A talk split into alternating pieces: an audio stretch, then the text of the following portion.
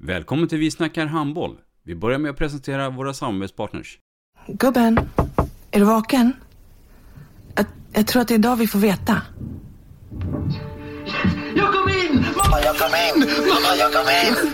Jag kom in! Ah! Vi finns där du är när livet förändras. För alltid välkommen till Länsförsäkringar. Nej men, ska du ha t-shirt på dig? Du, det är ingen vanlig t-shirt. Det är en nya bollar till klubben t-shirt. Och så matchar den grillkryddorna vi ska använda. Hur då? Men det är ju alla ska med på klassresan grillkryddor. Stötta barn och unga. Shoppa på newbodyfamily.com. Länge leve föreningslivet!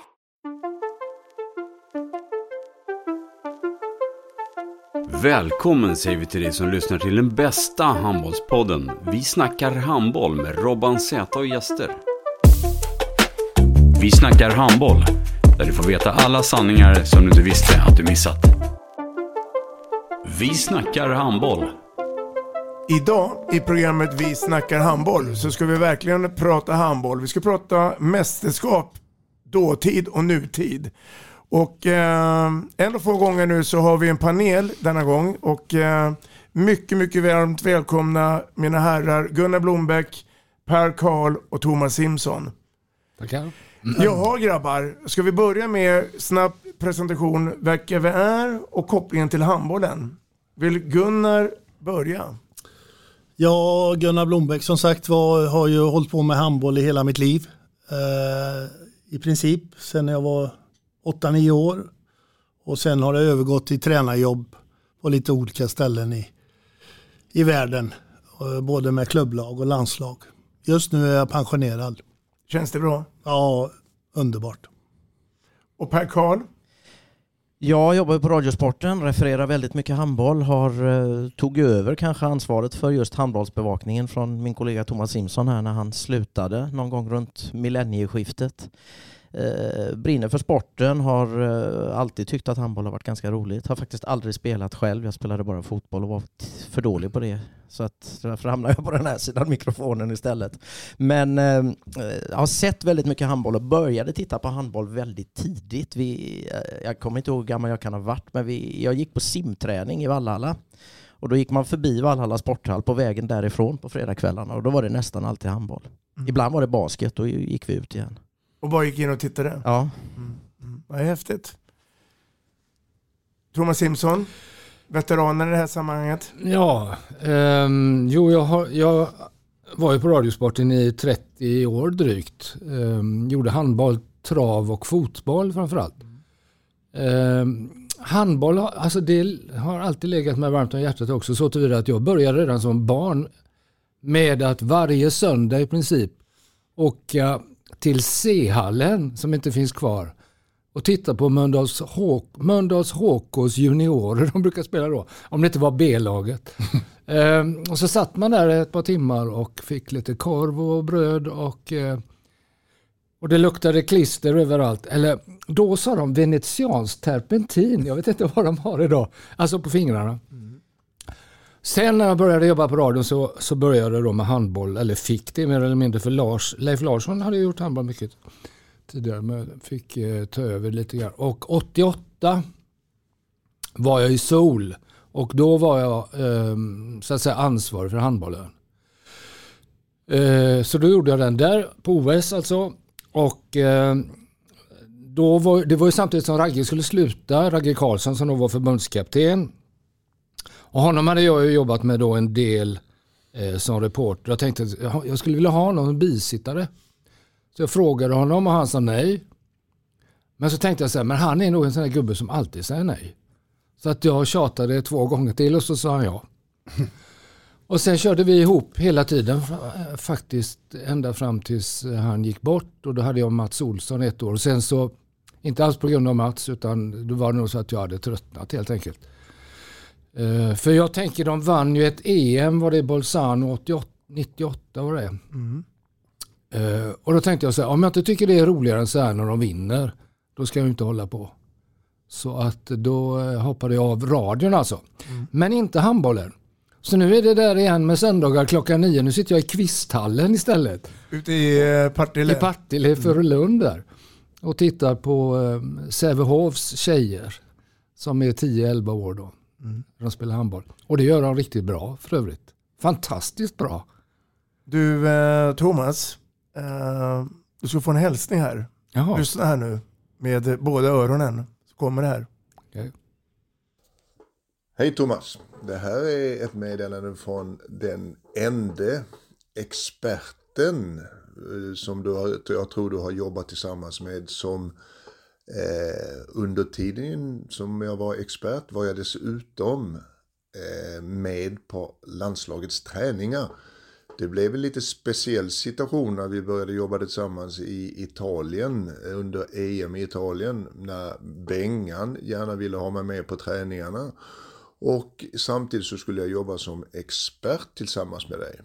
Det var en fantastisk tid. Jag lärde mig oerhört mycket av dig. Det både som människa och som expert. Och eh, hur det här fungerade med livet sidan om eh, radiobiten. Eh, vi hade fantastiska trevliga kvällar där vi satt och diskuterade livet och filosofi. Och eh, jag lärde mig oerhört mycket av dig. Eh, jättetrevligt att få lämna det här meddelandet. Jag hoppas att du eh, får en trevlig stund med Robban och att vi ses snart igen. Ha det så bra Thomas, hej då. Mm. Mats Olsson, Mats vad Olsson. tänker du Simson? Jo, det var faktiskt trevligt. Det var i Bolzano. Vi bodde i Merano, eh, några mil därifrån. Och eh, Mats var ju på träningarna då som sagt. Det var inte jag. Alltså jag tyckte då på något vis, eh, någon måtta får det vara. Alltså det var så mycket ändå. Eh, men så har det inte alltid varit faktiskt. Utan det har också varit så att man har suttit och gnuggat eh, spelkombinationer och sådär. Inte minst eh, i handbollen naturligtvis, men också i fotbollen. Eh, jag vet när jag började göra fotboll så hörde jag, eftersom trav var mitt ämne från början, så hörde jag hur det lät när de som refererar trav inte kunde trav. Och tänkte jag så här, låter jag så när jag refererar fotboll då till exempel? Så att jag skrev brev till Tord Grip. Du lär mig det här nya. Och han var ju väldigt vänlig och svarade. Och eh, då var det ju det här med zonmarkering och eh, ja, flatback och allt vad det nu hette. Um, så, och, då, och likadant var det med handbollen. Det var ju massa saker som var nytt. Om man tänker att jag satt och tittade på handboll på 50-talet. Innan de här kombinationerna kom. Mm. Och sen plötsligt skulle gå dit och titta på alla kombinationer. Fattade inte varför det stod en gubbe fri hela tiden. Eh, någonstans, vilket det ju gjorde. Så fick man ju lära sig det också. Och där var ju Bengan väldigt generös. Och ritade med naturligtvis eh, gurkburken först då. Den gubben springer hit, han springer och ställer sig framför honom. Eh, utifrån kommer en och utmanar och så plötsligt så är det en över då, så att säga, på linjen. Så att eh, jo, det tycker jag. Att det var trevligt. Var, var det viktigt på den tiden att ha en bisittare? Eh, I det här fallet då, Mats Olsson. Ja, ja, ja. Alltså, man får ju ha någon som kan. Som kan handbollen mer än vad... Alltså jag tycker nog att min, jag vet inte Per, det, det tycker väl du också kanske, att våra, vårat jobb är ju mer att berätta vad som händer på plan. Och så får någon annan analysera det. Alltså det är svårt nog att hinna med. Alltså handboll går ju inte att referera, följa boll riktigt så som fo- fotbollen går.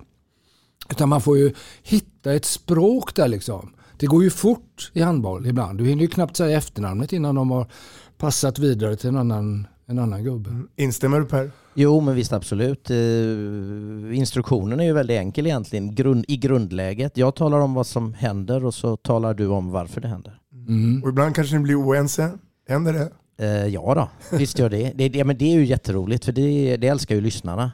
Det ska ju inte vara, mycket, det ska ju inte vara hela tiden, men om man säger någonting och, och, och expertkommentatorn säger emot, det brukar ju eh, väcka liksom tankar hos lyssnarna och att de tycker det är kul. Liksom. Att man vågar vara lite kaxig mot varandra. En vettig ingrediens i, i dagens handboll det är ju att det går ännu fortare Ja. än vad det någonsin har gjort. Ja. Tittar man på de bästa lagen i världen nu, både landslag och klubblag. Alltså du hinner, du hinner inte vända på huvudet förrän det är mål i andra änden. Nej. Och, och då gäller det att hänga med i, i jobbet också. Absolut. Gunnar, Ja. Vi pratar mästerskap. Det finns ju tre stora mästerskap OS, EM och VM. Mm. Vad är det som är så speciellt med respektive mästerskap? Du har ju själv erfarenheten. Ja, alltså då, då samlas ju folk ifrån hela världen beroende på vilket mästerskap du pratar om då. Men det är oftast från hela världen även om det är Europamästerskapen som spelas. Eh, och, och, är du då involverad i det så då är du inne i bubblan. Då är du inne i bubblan. Eh, men om du är där som, eh, som turist eller, eller liknande så träffar du ju mycket människor runt omkring och du har trevligt tillsammans på olika sätt. Och, och eh, Det blir en härlig god stämning i mästerskapen. Mm. Sen har du ju, alltså är du, jag har ju varit involverad i en del mästerskap på olika sätt då. Det är då klart att då, eh, ja, man är i en bubbla. Mm. Inget OS-guld Per. Men nära, men nära skjuter ingen hare för Sverige. Nej, det är ju fyra silver. Ja. Som man kan se är, är vunna givetvis då, men inget guld. Ja, det är ju det med att, vin att vinna silver i en bollsport betyder ju att man har förlorat en final. Det är ju en väldig skillnad. Springer du 100 meter, springer du, eh, eller du seglar eller vad som helst, 12-13 delseglingar och du vinner en silvermedalj. Det finns en vinnarkänsla ändå i vinna silvermedaljen. Det kan ju till och med vara så att den, man, eh, den som vinner guldet är så överlägsen så att man inte på förhand vet att silvret är det bästa man kan vinna. Men den som vinner silver i en bollsport förlorar ju en final. Grymt bittert. Mm. Mm. Vad eh, tror ni, Thomas och Per, när det gäller eh, eh, mästerskap? Anser ni att VM är större än OS? när det gäller handbollen? Det beror på vad man menar. Alltså en OS-medalj smäller väl högre än en VM-medalj, inte det? Jo, det tror jag nog alltid det gör och det har väl med frekvensen att göra. Det har ju med att OS bara spelas vart fjärde år. Att ja, det är inte det en gammal myt egentligen? För VM, då är ju hela världen med. Ja, men är hela världen bra i handboll? Det är ju tveksamt. Ja, det är en bra fråga. Alltså det, jag tänkte på det när Gunnar sa med EM. Mm. Ibland är det bättre kvalitet på ett EM. Man slipper de där skitmatcherna när Sverige vinner med 22 mål. Ja, jag håller med. Ja, det bästa mästerskapet är ju EM. Mm. För där ja. är det ju, alltså nu i och för sig växer ju EM, nu är vi uppe på 24 lag ja. Eh, och VM uppe på 32, men när VM, det gamla formatet med 16 lag, eller det senaste formatet. 12 till och med när det Ja, jo, men om man tänker 16 lyckades man ju till sist klara av. Det sista mästerskapet med 16 lag var ju fortfarande på den nivån att alla 16 lagen var bra. Mm. Och då ökar man till 24. Ett, mm. ett uh, EM är definitivt, uh, tror jag, både svårare att vinna och uh, man, man kan väl säga, man kan säga så här att det finns eh, större problem från, redan från början i en EM-turnering än vad det gör i en VM-turnering eller OS-turnering. Ja. Ja. Men när du kommer till de sista semif kvartsfinal, semifinal, final eh, då är det lika svårt överallt mm. Eh, i stort sett. Jag tänkte vi skulle grotta oss lite grann i prestationer och roliga mästerskapen. Men jag tänkte ni skulle få alla tre en hälsning här. Från en vän till alla tre. På nära håll och på lite längre håll. Lyssna här.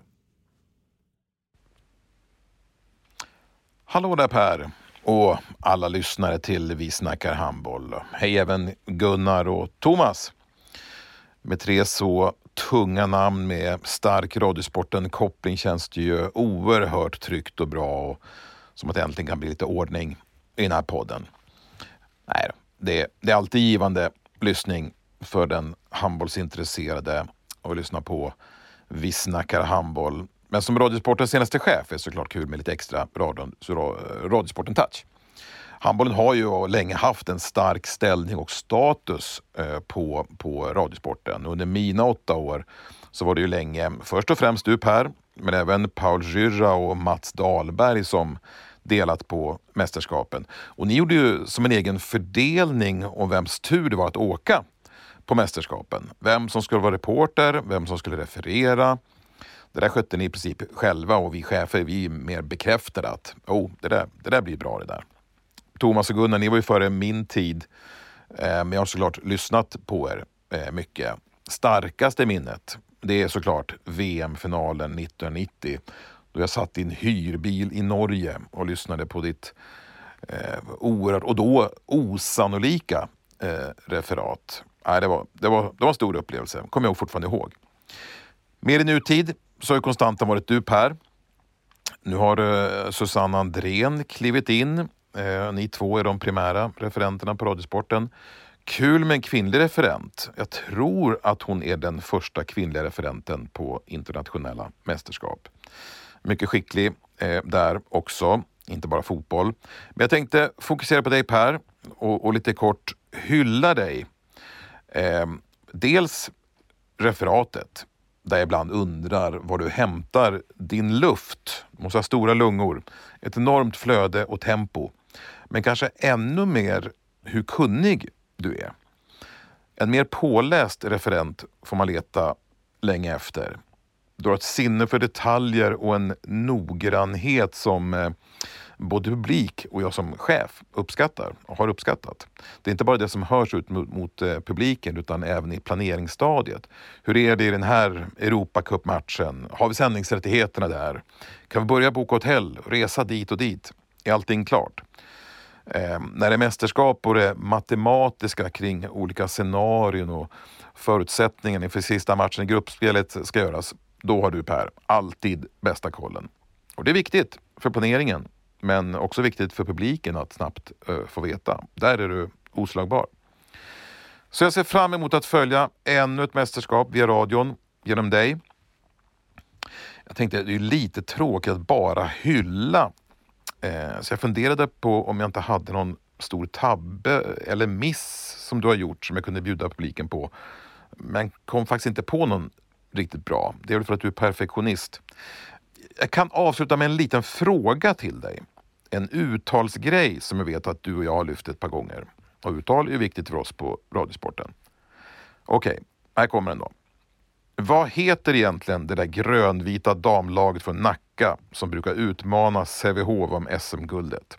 Börjar på S, slutar på U. Men hur betonar vi det där laget egentligen? Ha det fint Per och ni andra. Jag lovar att följa kommande mästerskap via Radiosporten. Ha det bra! Marcus Bogner, tidigare chef på Radiosporten. Mm. Man får lite rysningar när man uh, hör honom berätta. Ja. Vad tänker du själv Per? Ja men det är väl alltid trevligt att höra. Det tycker jag ju. Mm. Alla gillar beröm. Alla gillar ja. beröm ja, precis. Jo men det här med att räkna i handboll det lär man ju sig mm. så småningom när man har hållit på tillräckligt många gånger. Det är väl kanske en av handbollens både styrkor och svagheter när det börjar landa olika scenarion och så här. Och det har ju med det här upplägget med först ett gruppspel och så flera lag som går vidare och sen en, en, en eh, mellanrunda eller huvudrunda, vilket man nu ska kalla det för, som ju gör att det blir en, en matematik som inte många andra sporter har. Utan, eh, för jag menar, är det kvarts och åttondelsfinaler så åker man ut om man förlorar. Mm. Mm. Det ger ju en annan dynamik. Han vill att jag ska säga Skuru. Men jag tror inte jag kan säga det rätt. Jag kan uh, fastnar hela tiden. Han, han säger någonting att du lägger in ett P på slutet. Nej, för Skuren. fan. Nej, nej, nej, nej, nej, nej. Det ligger i Skåne. Det ligger i Skåne. ja, precis. Det vet vi allihopa var det ligger. Ja, det är bra. nej, det ska vara något fel på uttalet. Men jag hänger inte med. Nej, det var perfekt tycker jag. ja, det är bra. Nej, det är rätt det. Hörrni, VM eh, spelades första gången 1938. Eh, Tyskland vann. Sverige vinner 54. Sen eh, går en tid. Eh, och handbollen och mästerskapen har en ganska låg status här i Sverige. Eh, men sen händer någonting. 1990. Kom det som en stor överraskning för er? Jag får bara ta en grej emellan mm. där. Alltså de första mästerskapen där, det var, var inte det 11, 11 manna handboll? Stämmer det? Det, jag tänkte komma till det också. Förändringen där under den tiden mm. var ju ganska stor. Ja. Man hade till och med flaggdomare. Mm. Uh, du skrattar du Per? Nej då, jag... Det har jag upplevt. ja, uh, jag blev plötsligt väldigt gammal ja, ja, ja, men jag har upplevt det också faktiskt. Men när det gäller... Tramp. Ja, överraskande. Ja. Alltså, du, du, du ska ju veta det att de här 64 som, eh, som var dominerande i, i 90 där, bland annat då. Wislander och Olsson och Lindgren och, och så vidare. Eh, de var ju i VM-final mot ryssarna i U21-VM innan. Mm. Det är inte många som vet det. Nej, det är inte många som vet. Förutom uh, inbitna handbollare. Men, men det, det, är så. Det, ja, det, det är så. Det, eh, det var ju Torskin och pojkarna då som, som eh, spelade på andra sidan. Mm. Och de förlorade visserligen den matchen, men det var inte med många bollar eh, den VM-finalen. Så att jag tror att respekten släppte eh, en hel del Mm. gentemot rysk handboll då, på den tiden.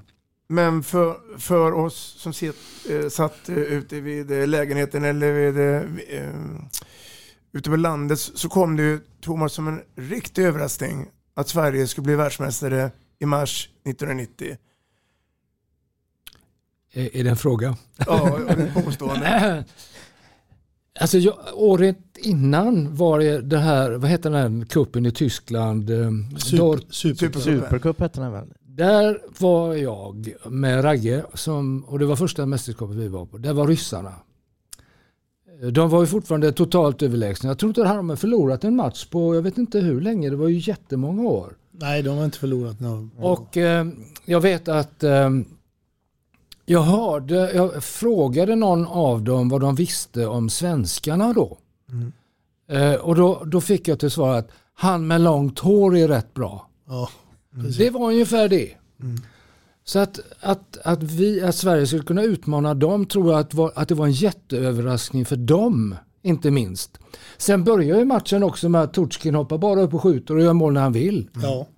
Tills Per Kalel bestämmer sig för, för ett överfall.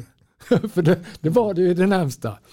Rakt ut och med raka armar rätt i bröstet på Torskin som flög i backen och sen inte alls var någonting eh, i närheten av sig själv. Så att det hände, det hände ju en del där. Men sen, eh, jag hade ju Ragge som sagt och han hade ju följt dem. Han, han, var, ju väldigt, han var ju optimist. Alltså, han trodde att de skulle kunna ha en chans. Mm. Ehm, Sverige tog väl medalj 86 i mästerskapet före? Eller Nej, blev vi fyra? Nej, femma. Femma? Mm. I Schweiz. Schweiz. Bern. Då var jag där.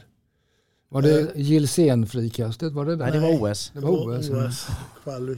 Och Men, men alltså det, det, det är klart att det var en stor överraskning när, när Sverige tog guld 90. Mm. Den som säger något annat den ljuger. Men det finns lite granna eh, meningar som, som Mm. finns i bakgrunden där om att eh, jag tror att, eh, och det var ju inte bara de här 64 de, all, de här gängen drog ju med varandra. Mm. Med Mats Olsson då bland annat och Carlén och så vidare och Erik Hajas och Pierre Thorsson och allt Men tror du att det var taktiken som avgjorde att Sverige vann VM? Eller var det spelkvaliteten, alltså individernas kunskap? Jag tror det, det låg eh, givetvis en blandning i det men mycket av var ju kvaliteten. Alltså Pierre Thorsson gjorde mål från högerkanten, Hayat från vänsterkanten, målvakterna tog bollarna i målet och så vidare. Ola Lindgren gick upp och drog dit dem och, och Staffan och så vidare. och så vidare. Det, det, det, var, det var mod. Vad säger Per? Nej, det var väl gruppen hade väl börjat komma tillsammans också och bli eh, till en, eh, till en maktfaktor så att säga. Det sker ju en långsam utveckling när du har en massa talang som du för ihop till en grupp så, så småningom så, så når man ju till ett resultat. Förhoppningsvis. Sen var det, alltså det är ju världens bästa handbollsspelare de där några. Man Ja. glömmer ju av Ja, det. ja, exakt. Vi som har suttit i Lisebergshallen och är bortskämda med att se Magnus Wislander vecka ut och vecka in. Ska ju tänka på att han blev, han, så han blev ju faktiskt utnämnd till världens bästa spelare. Och jag tänkte ofta på, han, för han, det ser ju ut som det går långsamt med Magnus Wislander. Eh, och jag vet vi gjorde ett reportage en gång som handlade om spelarnas sta, fysiska status. Och då hamnar inte han överst om jag uttrycker mig milt. Ehm, Men alltså han, hade, han lyckades ju dels på linjen att alltid få tag i den där bollen som Staffan Olsson eller vem det nu var eh, levererade. Och sen var han ju en jätte i försvaret. Alltså. Att, att vara så bra både i anfall och försvar. Ja, han var Eh, spelintelligent. Så, och den, Väldigt. Och det, det, det roliga med Wislander tycker jag man kan säga det, han är inte bara spelintelligent, han är street smart också. Så att Bengan hade ju mycket sådana här quiz, alltså frågetävlingar på bussresor och sådär.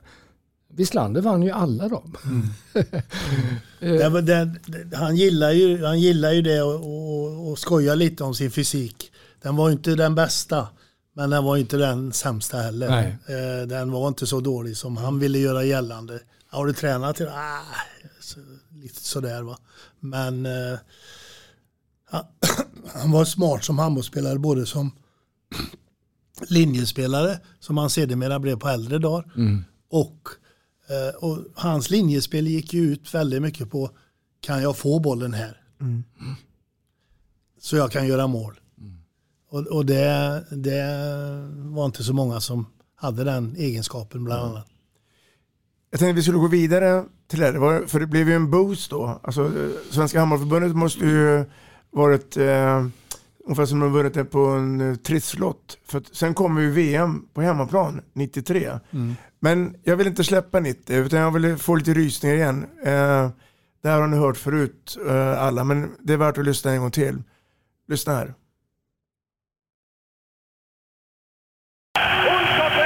En fantastisk räddning i fel kryss. Olsson är på väg åt andra hållet och får instinktivt bara upp näven och tippar den i ribban och ut. Då kände vi att varje gång vi, vi klarar av att stoppa ett anfall för dem och de börjar titta på bänken och börjar skälla på varandra. Det går inte som de hade lagt upp planerna. Och det kändes väldigt betryggande för oss för att det varje gång det hände så det steg ju vårt självförtroende. De, de försvann ner. Så det, det var ju en, en väldigt skön resa andra halvlek. Det var. Tendensen verkar faktiskt klar i matchen. Det är Sverige som eh, har tempot, det är Sverige som har friskheten i spelet och ryssarna går mest och hänger med huvudet. Kontring på högersidan, Pierre Olsson ensam med målvakten. Och gör en underbar knorr! Det är nästan förnedring av det ryska laget just nu. 24-20, Pierre Olsson!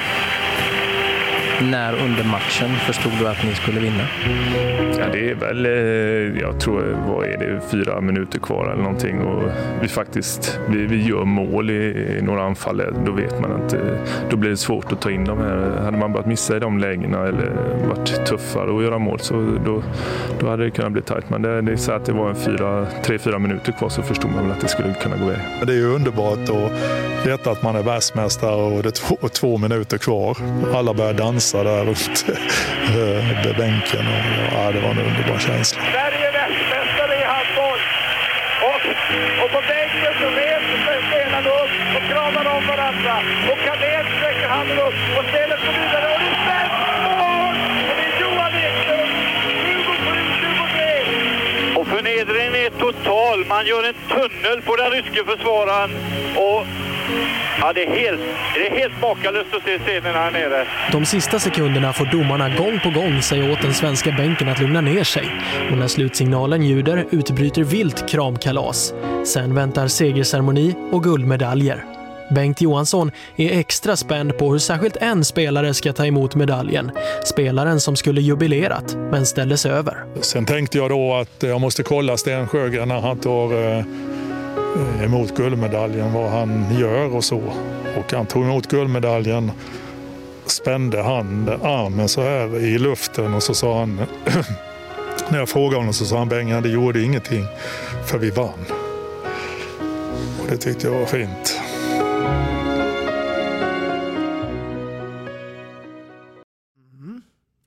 Helga minnen. Ja. ja, det var väldigt... Eh, alltså man har sett program när folk upplever saker som de har varit med om och som man alltid tänkt att oj vad sentimentala de är och sådär. Men det var ju faktiskt lite rörande tycker jag att höra.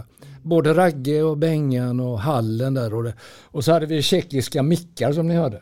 Ja, det, det är inte samma mickar. Nej, nej, det är ju en annan ljudteknik. Ja, herregud. Ehm, Det var inte så noga med nivåer sådär så att... Gunnar. Och Ragge grät ju dessutom Ja. det, det, Ja. på slutet. På, på den tiden kunde man ju fortfarande titta på tv och ha radioljudet på samtidigt. Ja, det för det var ju då? inte, det, det synkade ju Ja. för att det var ju ungefär samma tid att få hem bilden. Idag är ju det tyvärr inte möjligt längre. Men det här med Sten Sjögren, alltså man kan ju prata om det lite grann för att det var ju lite grann Bengan i ett nötskal och en sits som jag är glad att jag aldrig har suttit i egentligen. Att behöva ta bort. nej, fy. Vad hemskt. Måste han. Och han skulle fira jubileum. Och han, det är inte, alltså jag vet Men ju- det kan vara så ibland, ursäkta, det kan vara så ibland att det- är självklart för dig, eller mig, Ja. eller Bengan i detta fallet, Ja. vem han ska ta bort. Eh, Fast det, det, kanske, det vet inte alla. Nej. Eh, Men det kan också vara som du säger, att det är, det är inte den enklaste grejen att göra. Nej, för det var ju någon final där han satt, eh, eller Thomas Iversson inte var med och spelade. Mm, mm. Och de bor grannar i Halmstad. Mm, mm, mm. Kanske just därför. Gunnar, jag tänkte på efter att Sverige vann 1990. Mm. Vill du påstå då att handbollen och, och spelsättet och, eh, förändrades?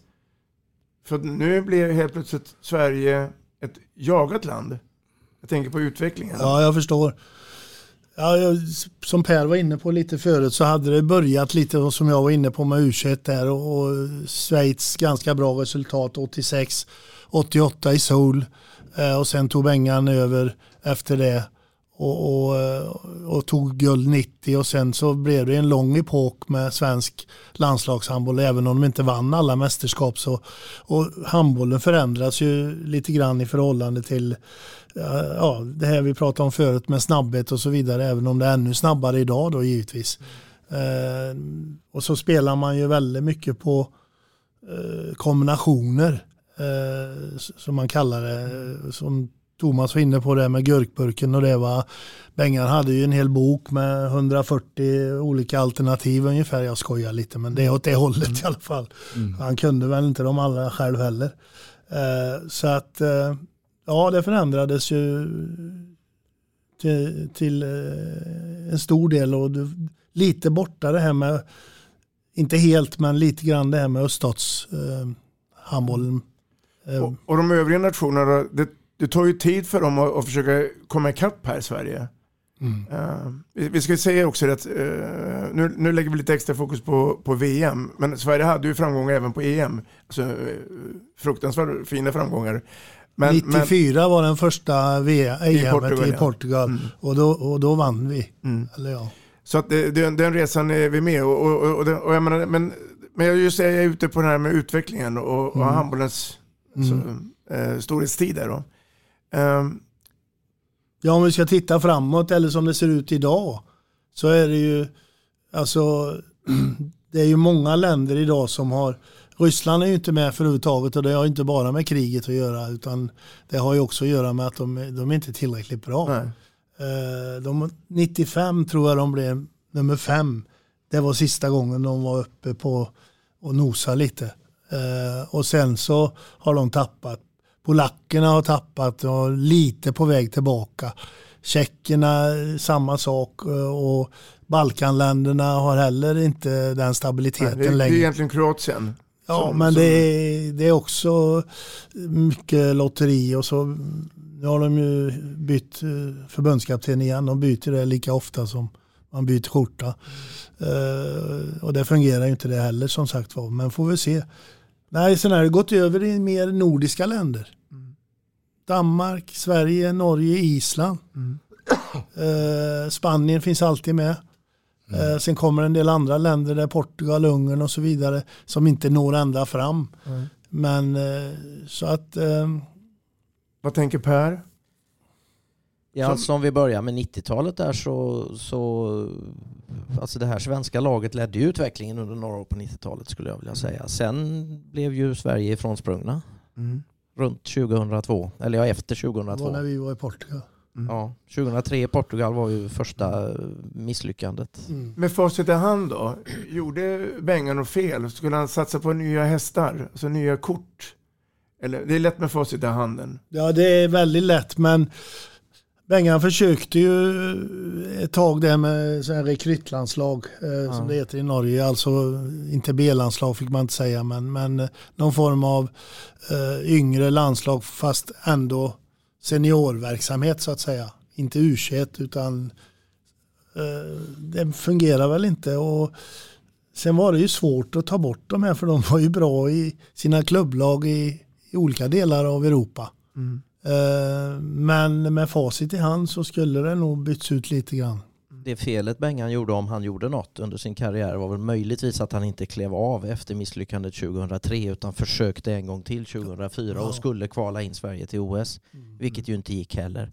Vi hade ju, Sverige hade ju ett väldigt bra landslag på gång där med det som kunde varit kvar av den yngre delen av den gamla generationen. Alltså Vranjes, Lövgren, Bokvist tillsammans med Jonas Larholm och Kim Andersson som var på väg uppåt där. Mm. Just den mixen skulle kanske kunna ha blivit ett fantastiskt landslag men det blev ju aldrig det. Det blev ju platt fall. Det var ju väldigt många dåliga år framåt där med missade mästerskap 2006 till exempel och med ett lag som egentligen var nog kanske var värd bättre. Men jag måste säga en sak där. Ehm, både i det här fallet när det gäller andra fall, vad hade hänt om? Mm. Och det är ingen som vet. Nej. Och i idrotten är det så här att det är antingen stolpe in eller stolpe ut. Alltså om det nu hade gått bra här så hade man sagt vilket genidrag att han inte hoppade av. Utan han visste verkligen att han kunde etc. etc.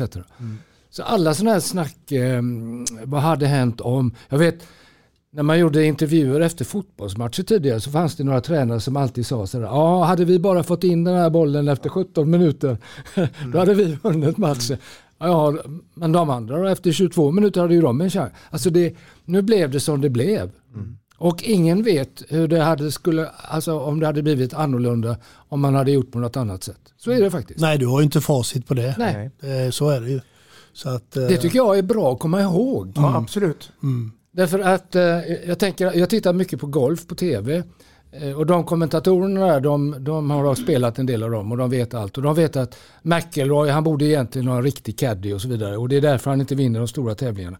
Sen rätt vad det så vinner han allt. Ja. Ja, då var det inget fel på caddy. Så att, Det är kompisen som är caddy. ja, precis. Ja. Jag tror vi är helt överens och vi är helt överens om det här som kommer nu är ju en fantastisk avslutning som eh, ni får jobba med tillsammans, herr Blombeck och herr Per Karl. Lyssna här nu. Frändesjö studsar bollen, får massor av tyskar emot sig. Så småningom stjäl tyskarna bollen. Det är nu fyra sekunder kvar när Baur kommer igenom för Tyskland och gör mål. Men det kan han ju få, för där går slutsignalen! Och Sverige är Europamästare i handboll. 33-31 mot Tyskland efter förlängning. Hör publiken i Globen! Och Jubomir Vranjes eh, tar matchbollen och sparkar den så högt upp han kan på läktaren till någon eh, lycklig åskådare som får den i, i sina händer. Fantastiskt, vilket lag, vilken, vilken insats, enorm. Mm. Det var var ett radarpar. Mm.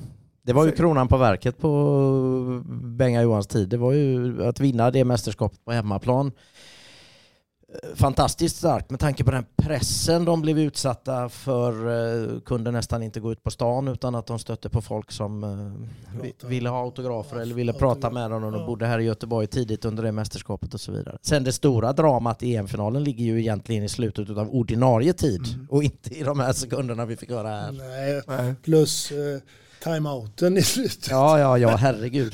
Alltså det, det, det, det roligaste i hela det referatet, om vi ska hänga upp oss på det referatet, är ju när timeouten har varit och spelet går igång igen. Drar ju Tyskland på sig en utvisning. Klaus Dieter Petersen åker på två minuters utvisning. Då ligger Sverige fortfarande under med ett mål och det är kanske, kan det vara, 35 sekunder kvar att spela Ja. eller någonting sånt där. Då säger jag i referatet att vad bra, nu får Sverige börja förlängningen med en man mer. Och Gunnar Blombeck säger sakta i backarna. Vi ska kvittera först. Ja, precis. Men, men under det mästerskapet, eh, Gunnar och Per, tittar ni på varandra och, och tänkte att nu, nu kan det vara så att det här är sista resan för Sverige. Att, att, ni- hade ni på känn att de övriga nationerna var, var nära nu? Att det skulle bli ett tronskifte? Också med facit i hand. De hade ju närmat sig en del andra då, inte minst Tyskland som... eh, Var i som finalen. Ja, som är en, eh, eh, har varit i storaktion i handboll i många, många, många år. Men de har också dalgångar där de har inte ens, där de har varit C-nation. Eh, som man inte tror då. Eh, men, men så kommer de tillbaka. Eh, och när, när, ja vi kände väl lite det, jag vet inte vad du kände Per, men på något sätt så kände vi väl att det här, ja det var väl eh, det bästa den kunde få ut av det här gänget. Ja, det är ju väldigt stort att vinna ett mästerskap på hemmaplan. För att eh, samtidigt fanns det en känsla genom hela det mästerskapet att det här nog skulle gå. Eh, jag vet inte, alltså som mest illa ute var väl egentligen Sverige i eh, inledningen av finalen när det inte gick att stoppa den här gigantiska linjespelaren som Tyskland hade, som jag har glömt namnet på nu, som de bara liksom, de kastade ju bollen uppåt i princip och så Ja, plockade det- han ner dem och gjorde mål. Ja, jag, jag kommer inte på vad han heter nu. Men eh, Ja, det blir ju sen ett nytt mästerskap eh, 2011 i Sverige. Vad har vi för minne av den tiden? Vad säger Per? Ja, det jag minns utav 2011 var ju när Sverige förlorade mot Argentina i Skandinavien. första matchen va? Ja, första, det var inte första, det var andra matchen eller Andra någonting var- sånt. Men det var ju... eh, Det fanns ju liksom inte någonstans på kartan. Då hade jag och Paul Schürer suttit och tittat, och Magnus Wislander också, suttit och tittat på Argentina när de spelade matchen innan. Och så hade vi, vi hade en blogg på den tiden, det var ju populärt. Och så skrev vi det att Argentina ska man nog se upp för i det här mästerskapet. Men vi hade ju inte tänkt oss att det var Sverige de skulle slå precis. Nu blev det ju med handbollens fantastiska matematik en fullständigt betydelselös förlust. Så småningom. För Sveriges del. Jag vill påstå då att här, här blir det någon form av trendbrott och man får försöka hitta tillbaka då till den här tiden. Och eh, jag vill också hävda att det har hänt mycket med utvecklingen. Nu eh, börjar vi prata om modernt och nu är vi inte så långt efter i tiden. Och det kommer nu en fråga från en eh, viss handbollsnörd kille som eh, ni eh, känner mycket väl. Så ska vi se om vi kan svara på hans fråga. Tjenare grabbarna i studion som sitter och spekulerar och pratar om mästerskapen. Det här är Magnus Nollan Gran som har en fråga till er. När tycker ni att handbollen utvecklades som mest? Under vilken epok? Var det på 60, 70, 80, 90 eller 2000-talet? Som sagt, när tycker ni att handbollen utvecklades som mest? Jag tycker det är en ganska bra fråga. Ja, Och frågan är ju om, om man- menar över hela världskartan eller om man menar svensk handboll. Eh, Ska vi nöja oss med svensk då? Vi Ja. börjar där. Ja, men alltså, det var ju stiltje lite grann där på 60 och 70-tal. Och 70-talet då skulle man eh, ta över eh, jugoslaviska spelet. Eh, hade ju vunnit i München 72, juggarna. Och, eh, då skulle man spela övergångsspel och man skulle spela eh, 3-2-1 och det var massa saker. Och problemet var ju att Sverige hade inte tillräckligt bra spelare som klarade av att ta man-man situationer, vilket är du var inne på förut och pratade om att så blir det en gubbe fri någonstans och så vidare. Eh, det, det hade man inte material för. Sen, sen kan vi väl inte komma ifrån att hela, hela 90-talet eh, är det som utvecklar svensk handboll eh, mest. Eh, s- Som jag ser det idag. Plus att vi har fått tillbaka laget eller landslaget på men problemen är ju fortfarande att vi har väldigt få framgångar på klubblag i svensk handboll på, i, ute i Europa. Och det har ju lite med ekonomin att göra givetvis också. Men, Så det är svårt att säga, men, men jag, 90, jag vet inte vad ni säger. Vad tror Per? Jo, men 90 var väl ett väldigt stort steg framåt. Men sen föränd- det, jag jag tycker det är omöjligt att säga det, för jag menar sporten förändras ju hela tiden. Kommer Man- nya regler? Ja, 7 mot 6 spel till exempel nu det senaste här då som ju är vansinnigt fult att se på men väldigt framgångsrikt om man använder det. Mm. Ja, det är ett gissel tycker jag. Vad tycker Thomas som är en, eh, en veteran i det här sammanhanget om alla nya regler? Och... Ja, nej, alltså det här eh, med sju utspelare är jättesvårt. För jag vet inte hur många gånger vi har suttit hemma och sagt att ja, nu spelar de med sju ute, ja men då kommer de andra att göra mål. Och så blir det så. Och det var någon landskamp, såg, jag vet inte om de, om de fick fyra eller fem i baken i rad. Mm.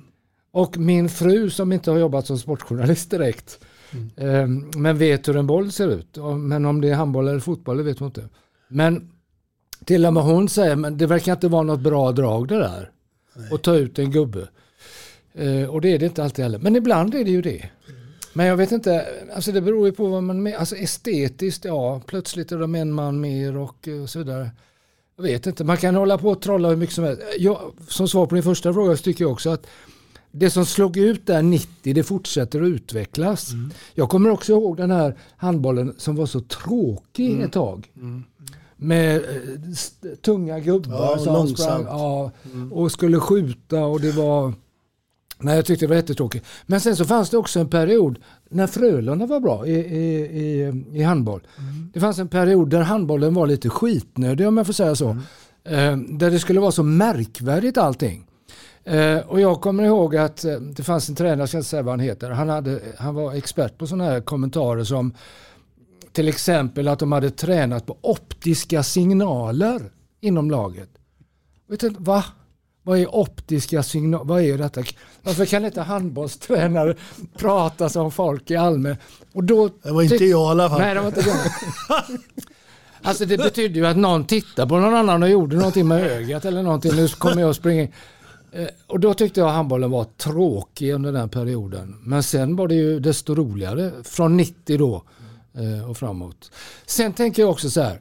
Det var trevliga spelare. De var intelligenta, inte bara på plan utan vid sidan av.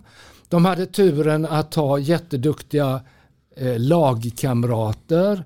Laget som sådant utvecklades, handbollen utvecklades i, i svensk favör. De hade en ledare som kunde ta vara... Alltså det är så många komponenter som ska funka. Det räcker ju inte att man har två Wislander. Nej. Du får ju ha ett helt lag.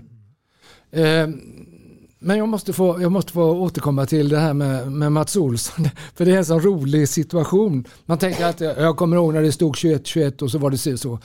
Men några av de här grejerna som jag kommer ihåg, alltså en som toppar det lite, det var när Mats och jag var i Merano, eller Bolzano spelade med. Och så var vi ute och gick på kvällen och så träffade vi Dojsjebajev. Eh, som ju hade varit den stora stjärnan när Sverige hade mött dem tidigare, när de hette OSS tror jag de hette på den tiden. Ehm, och då, då tänkte jag så här, det här är ändå konstigt. Eh, här träffas en svensk ifrån Skåne och en Dujsjebajev och så står de och pratar flytande spanska med varandra. Fantastiskt. Ja, det var kul.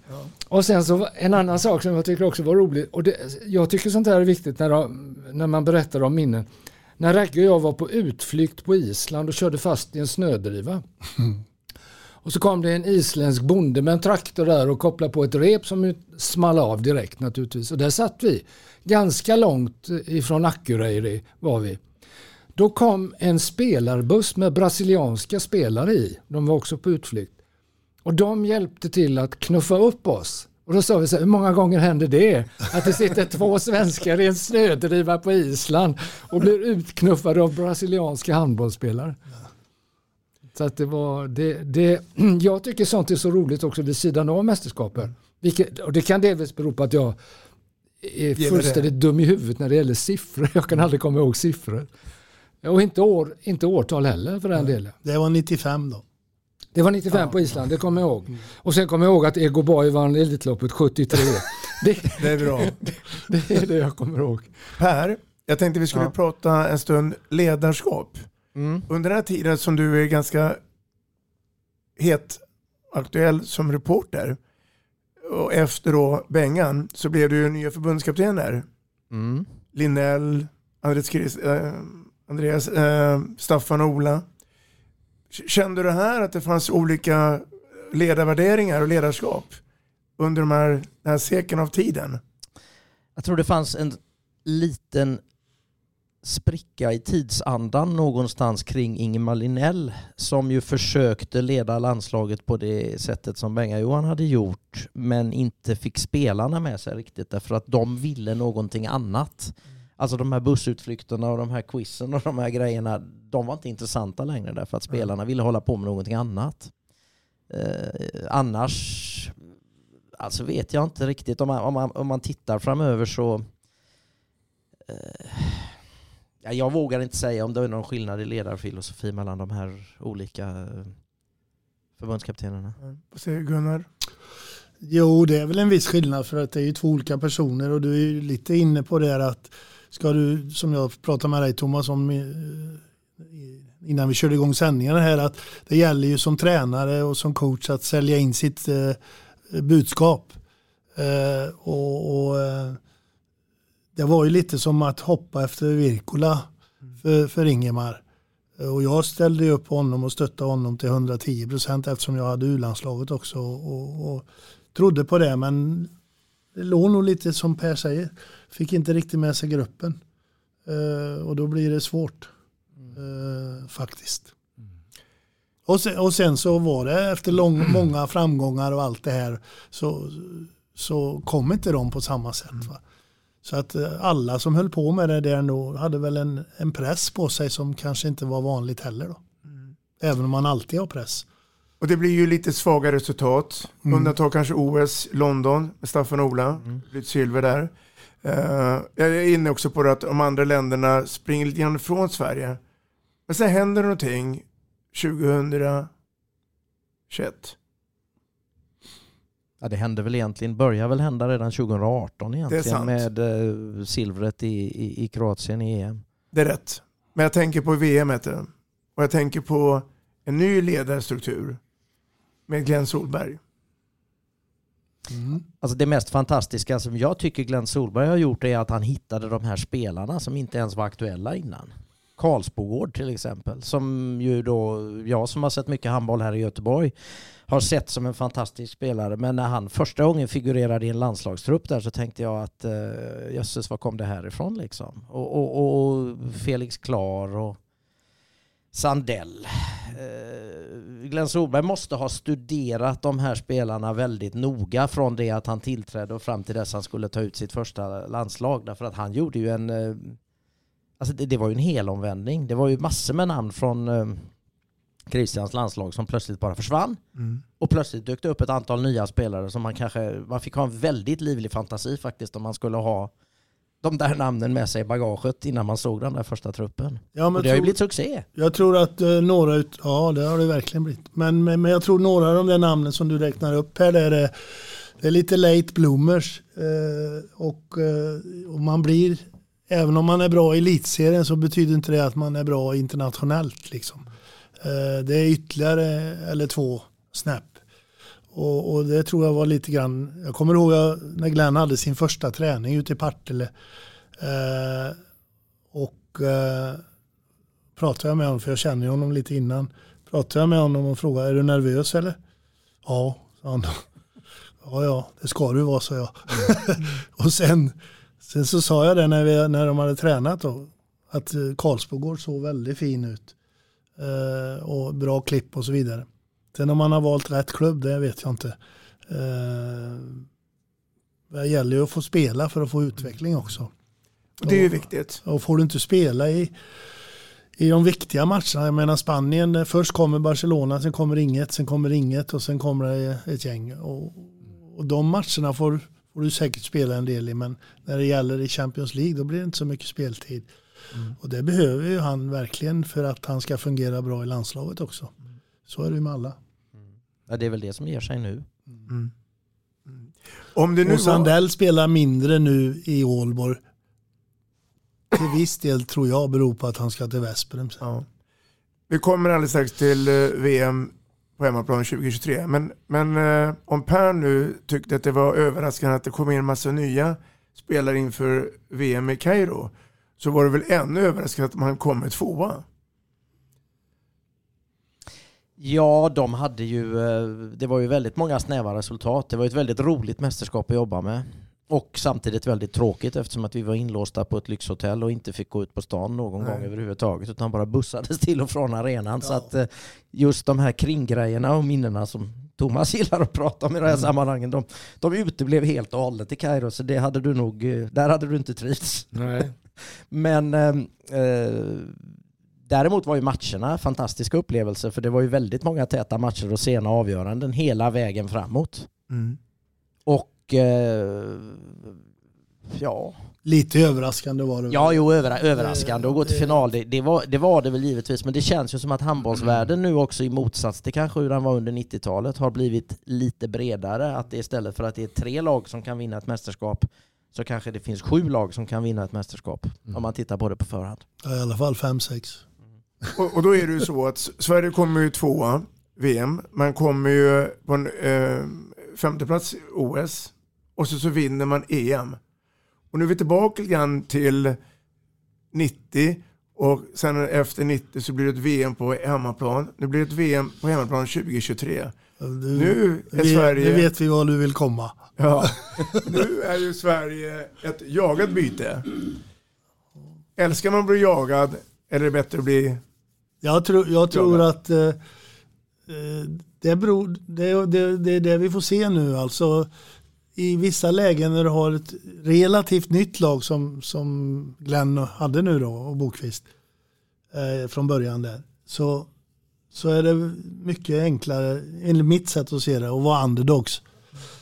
Eh, och det är många tränare som gillar det. Sen tycker jag ju också att man ska våga tala om att vi, vi är bäst. Vi ska vinna det här. Men frågan är om det här laget är där än. Eh, det får vi se. Men jag, jag tror att eh, de är åt det hållet i alla fall.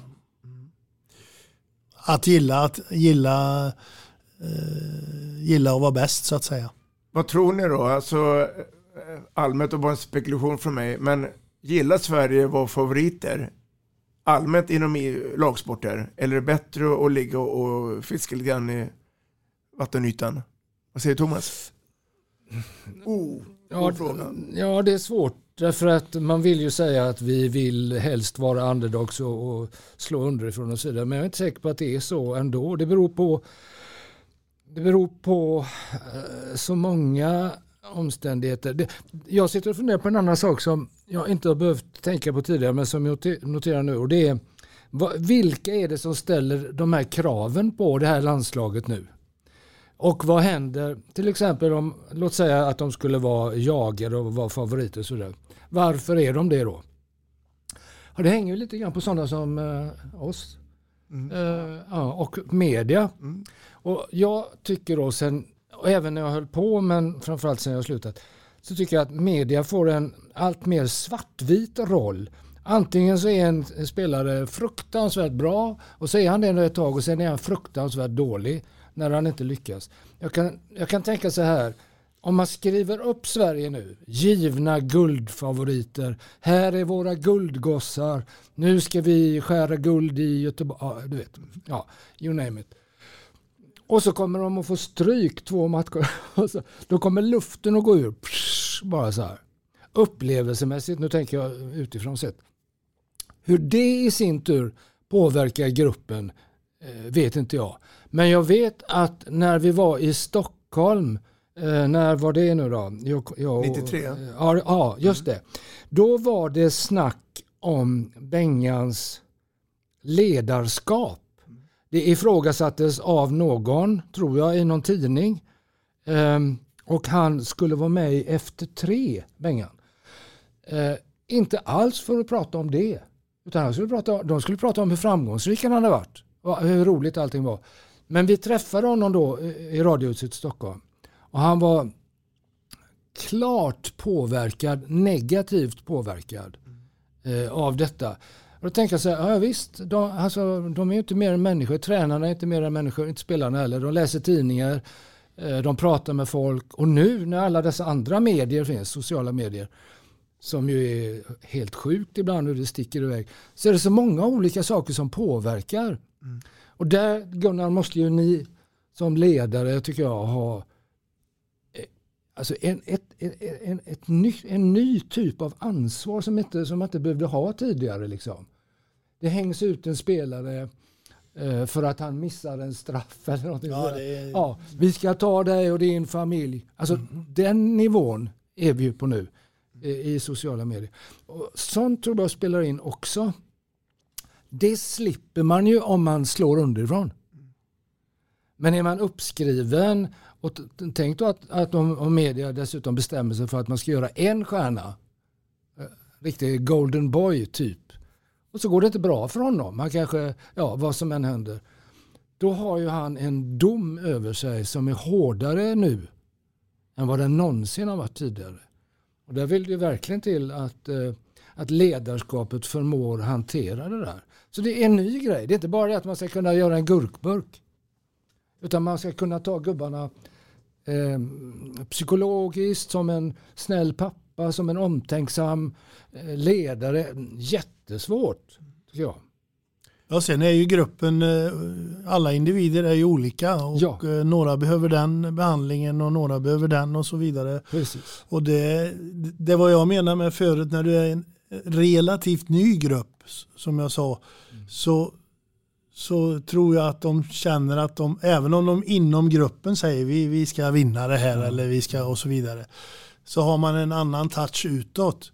Eh, men, men nu har man ju visat resultat så många gånger med det här laget. Men sen ska man ju också ha klart för sig, det, står, det finns ju folk på kö men det finns ju inte hur mycket folk som helst på kö om det drabbas av sjukdomar och skador och så vidare. Och på den här nivån. Och på den här nivån ja. Och precis som du säger Thomas, det är ju en helt annan, det är inte bara massmedia som är inne utan det är ju dårar som, som inte kan stava till handboll eller som bara ska jävlas. Eh, och, och de måste man ju också kunna hantera. Och det är ju samma sak där, du hanterar det på ett bättre sätt än vad jag hanterar och så vidare. Så där måste man ju lära känna sina, sina killar.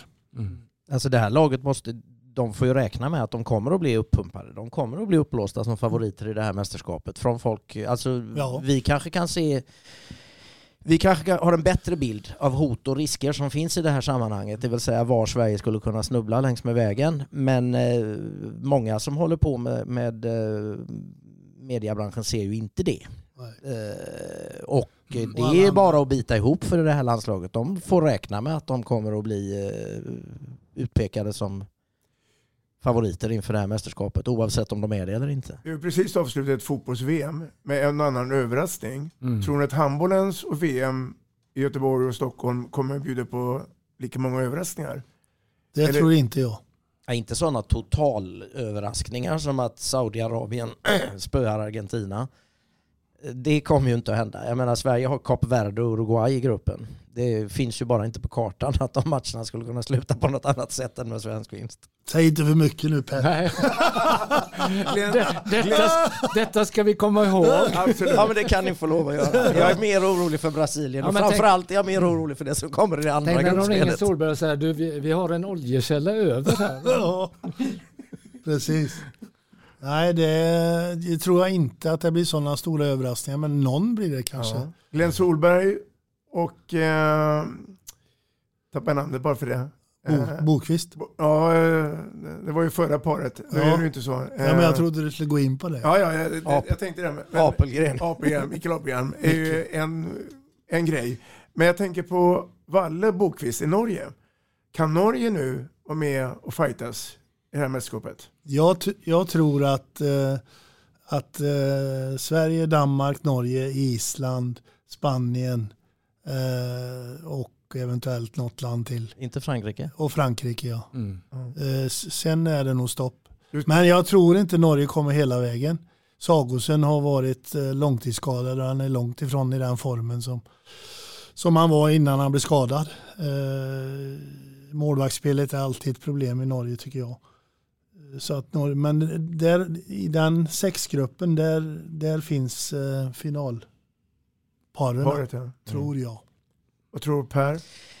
Ja, jag satt och funderade på det här häromdagen och tänkte, jag, jag fick väl ihop till eh, ja, ungefär de samma där och eh, funderade på vem som kunde vara giftig utanför den kvintetten.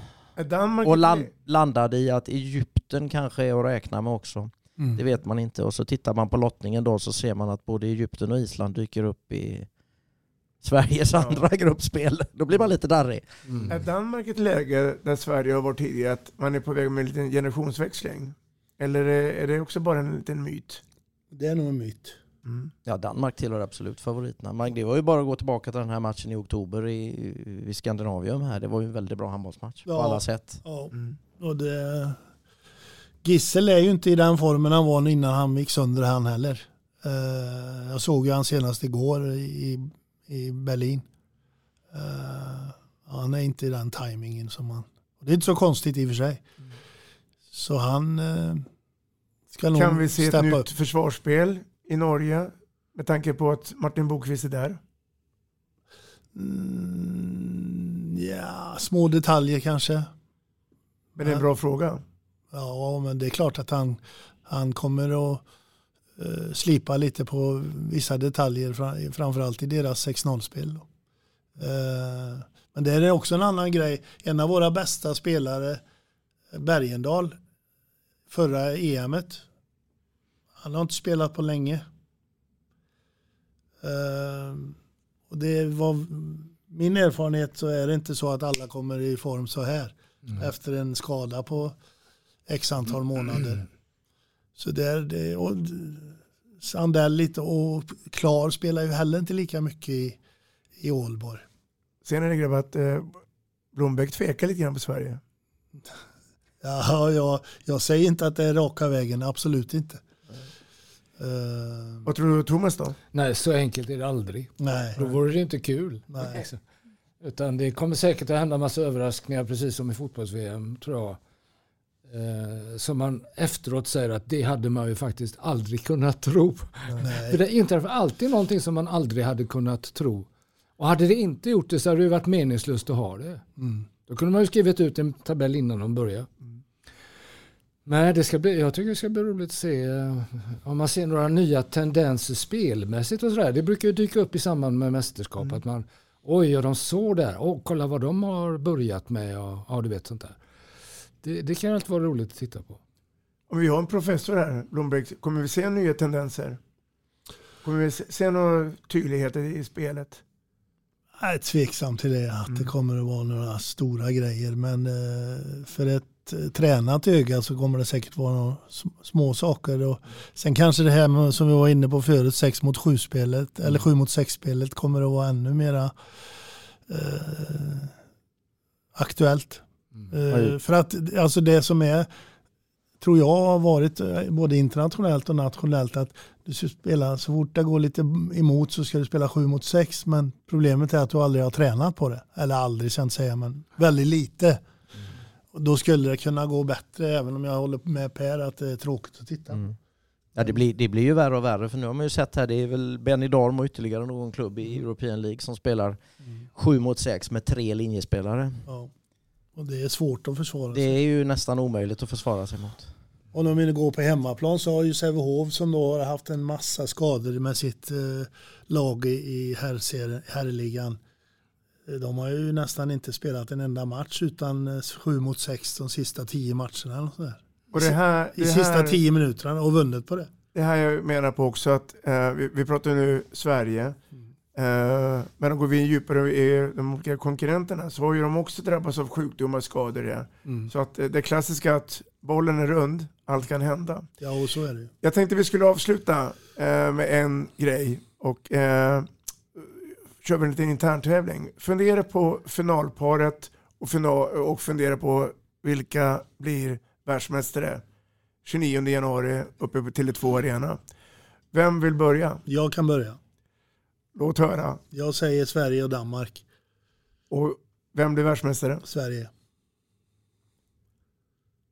Per? Ja, jag är ju så fruktansvärt tråkig så jag satt ju här och funderade innan Gunnar började prata vad jag skulle säga och jag landar ju i exakt samma eh, finalpar och samma vinnare. Men det är ju optimism bakom det som läggs dit givetvis. Det kanske inte är de och förhoppningar. Det är ju roligare så, om inte annat. Och Thomas? Ja, jag vet faktiskt inte. Jag tycker det är så svårt att tippa. Jag har alltid tyckt. Men eh, jag vet när vi pratade Ragge och jag så, så var jag alltid den eh, pessimisten och han var alltid optimisten. Jag ska fortsätta vara pessimisten och säga det att eh, ja, varför inte Frankrike och Spanien i en final till exempel? Mm. Det är inte omöjligt. Och, och, så kommer alla säga så här, och, och vi som tror, vi i Norden som trodde vi var, ja du vet. Mm. Det kan mycket väl bli så. Alltså de här lagen ni sa tidigare med, med Frankrike. Men ligger de på samma halva? Jag vet ja, fast man korsar ligger. ju halvorna i semifinalen så att uh, kommer man bara dit så... Ja, okay. ja. jag, har, alltså jag, jag ser ju fortfarande fram, framför mig ett väldigt starkt Frankrike när de får rätt flyt, rätt spelare, rätt utdelning och så vidare. Uh, när det blåser medvind för dem då är det inte så jätteroligt att stå, stå emot dem. Nej, de är starka. Så Frankrike är dina slutvinnare? Ja, ja, vi säger Frankrike säger jag. Och jag säger en nordisk final. Men det kommer välla in danskar och norrmän till det tvåa nere. Jag tror att det blir en final mellan Danmark och Norge. Och jag tror att eh, Martin Bokvist kommer att överraska med sitt eh, försvarstänk. Men Danmark blir världsmästare, är mitt stalltips. Mm. Det är inte så långt ifrån sanningen kanske. Vi får se. Alltid roligt att snacka handboll. Nu är det så att tiden har kommit ikapp oss. Det har varit en ära att ha haft er här. Jag hoppas att det är ömsesidigt. Och tusen tack att ni ville vara med i podden Vi snackar handboll. Lycka till nu framöver och till dig Per, eh, härlig resa nu med ett nytt mästerskap. Ja, det ska bli jättebra. Tack så mycket. Tack. Vi snackar handboll, där du får veta alla sanningar som du inte visste att du missat. Vi snackar handboll. Vi snackar handboll produceras av produktionsbolaget High On Experience, från vision till passion. Ett avslutande tack till våra samarbetspartners. Hallå! Kommer ni eller? Ja, ja. Har du sett mina ankelsockar? De här? Nej, nej, jag menar skridskoslip till juniorlaget Ankelsockarna. Ja, men kolla bredvid träningsläger med handbollstjejerna-t-shirtarna. Stötta barn och unga. Shoppa på newbodyfamily.com. Länge leve föreningslivet! Gubben, är du vaken? Jag, jag tror att det är idag vi får veta. Jag kom in! Mamma, jag kom in! Mamma, jag kom in! Jag kom in! Ah! Vi finns där du är när livet förändras. För alltid välkommen till Länsförsäkringar.